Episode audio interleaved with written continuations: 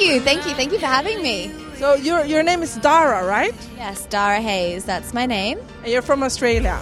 Yes, I'm from Sydney, Australia. So how was your set? People seem to be like wild today. Um, it was so much fun. It was crazy. Um, I, this country is beautiful, and I think the people like really reflect that. They're so excited and energetic and passionate about their music. Everyone was having a really great time, as was I. You could probably see me just smiling the whole time. So I'm really happy. I'm still on a high from it. It was great. So we're doing this investigation of these new kind of festivals. What was your first festival experience? Energys Festival My first Sommar. festival experience was, I think, in 2009 or 2010 in Australia. We have this festival called Stereosonic, and it is still my favorite festival ever. Um, and it's it's a big dance festival, like you know, big EDM acts and everything. And they have probably about 10 stages and maybe about 80,000 people. It's huge. It's like the biggest one in, we have in Australia. And I just remember going there and being like, oh my god, I love this. Woo-hoo!" And we partied all day and all night, and it was insane. And I think my love for festivals really kicked off there. So it's, um, yeah, I, I still love them. It's my kind of favorite type of show to play. So what do you think of these new kind of festivals? I mean, normally you have like an artist, a band, and such, and now you guys are so high up, and you can like sort of only see your hands going like this, and the people going like this. How does that feel? Is that like, what do you think about festivals develop like this?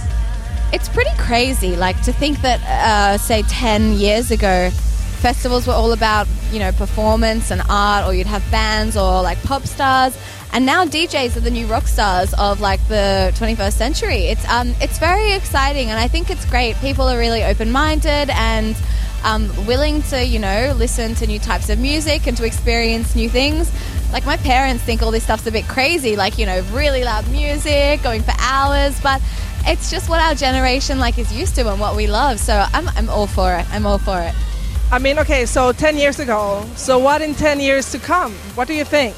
I have no idea. I reckon in 10 years to come, there'll be like a 3D music, uh, 4 5 4 5D music experience where like the music is coming from everywhere and it's like with like, you know, goggles and like visual and sensory and it'll just be like next level. I don't even think we can imagine right now.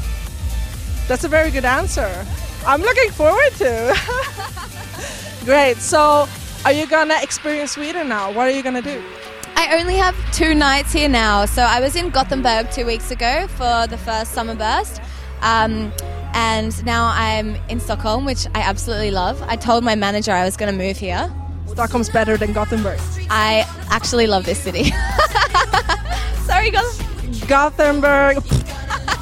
Um, but yeah, so I think we're going to go for like a wander around the city maybe later tonight, get some dinner. Um, and then I have all day tomorrow off, so I think we're going to go to the old town. I'm not really sure what else we're going to do, but I want to head out and explore because it's beautiful and it's beautiful weather as well. Be careful though in uh, Old Town with this weather. It's just like a big sweat bomb there. Your wedding tomorrow, so I'm going to try and like sneak peek a view of like the carriage going past. I'm Are you not invited? Apparently not. You know Avicii is gonna play. Are you kidding me? And the prince came to Avicii's office by himself, like, hey dude, can you play at my wedding?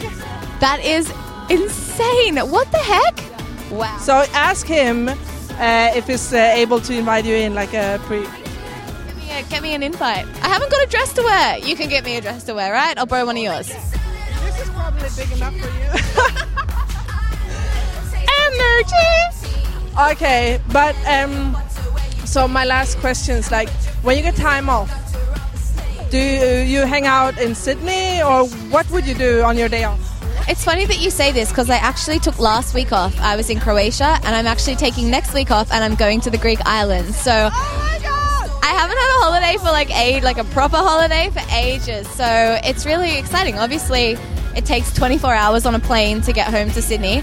So I was like, well, I'm over here. I may as well spend some time holidaying. So that's when I'm over here. But when I'm at home, if I have a day off, I like to just wake up, go to the gym, read a book, have a cup of tea with my mum, maybe eat some pizza with my friends. That's it. Low key. Easy peasy is my favorite expression. Oh my god. I, You're gonna have that in Greek. Uh, Greece, I mean. Okay, I just want to say, energy people, this girl has got some really good vibe and energy. you really have, really have. Thank you so much, Tiger Lily. Okay, enjoy. Hey, thank you so much. It's been a pleasure. Thank you.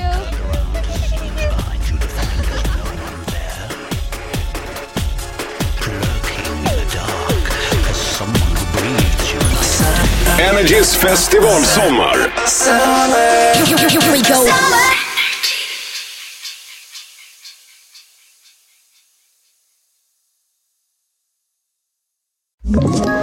Ett poddtips från Podplay. I podden Något Kaiko garanterar östgötarna Brutti och jag, Davva, dig en stor dos skratt. Där följer jag pladask för köttätandet igen. Man är lite som en jävla vampyr. Man har fått lite blodsmak och då måste man ha mer. Udda spaningar, fängslande anekdoter och en och annan arg rant.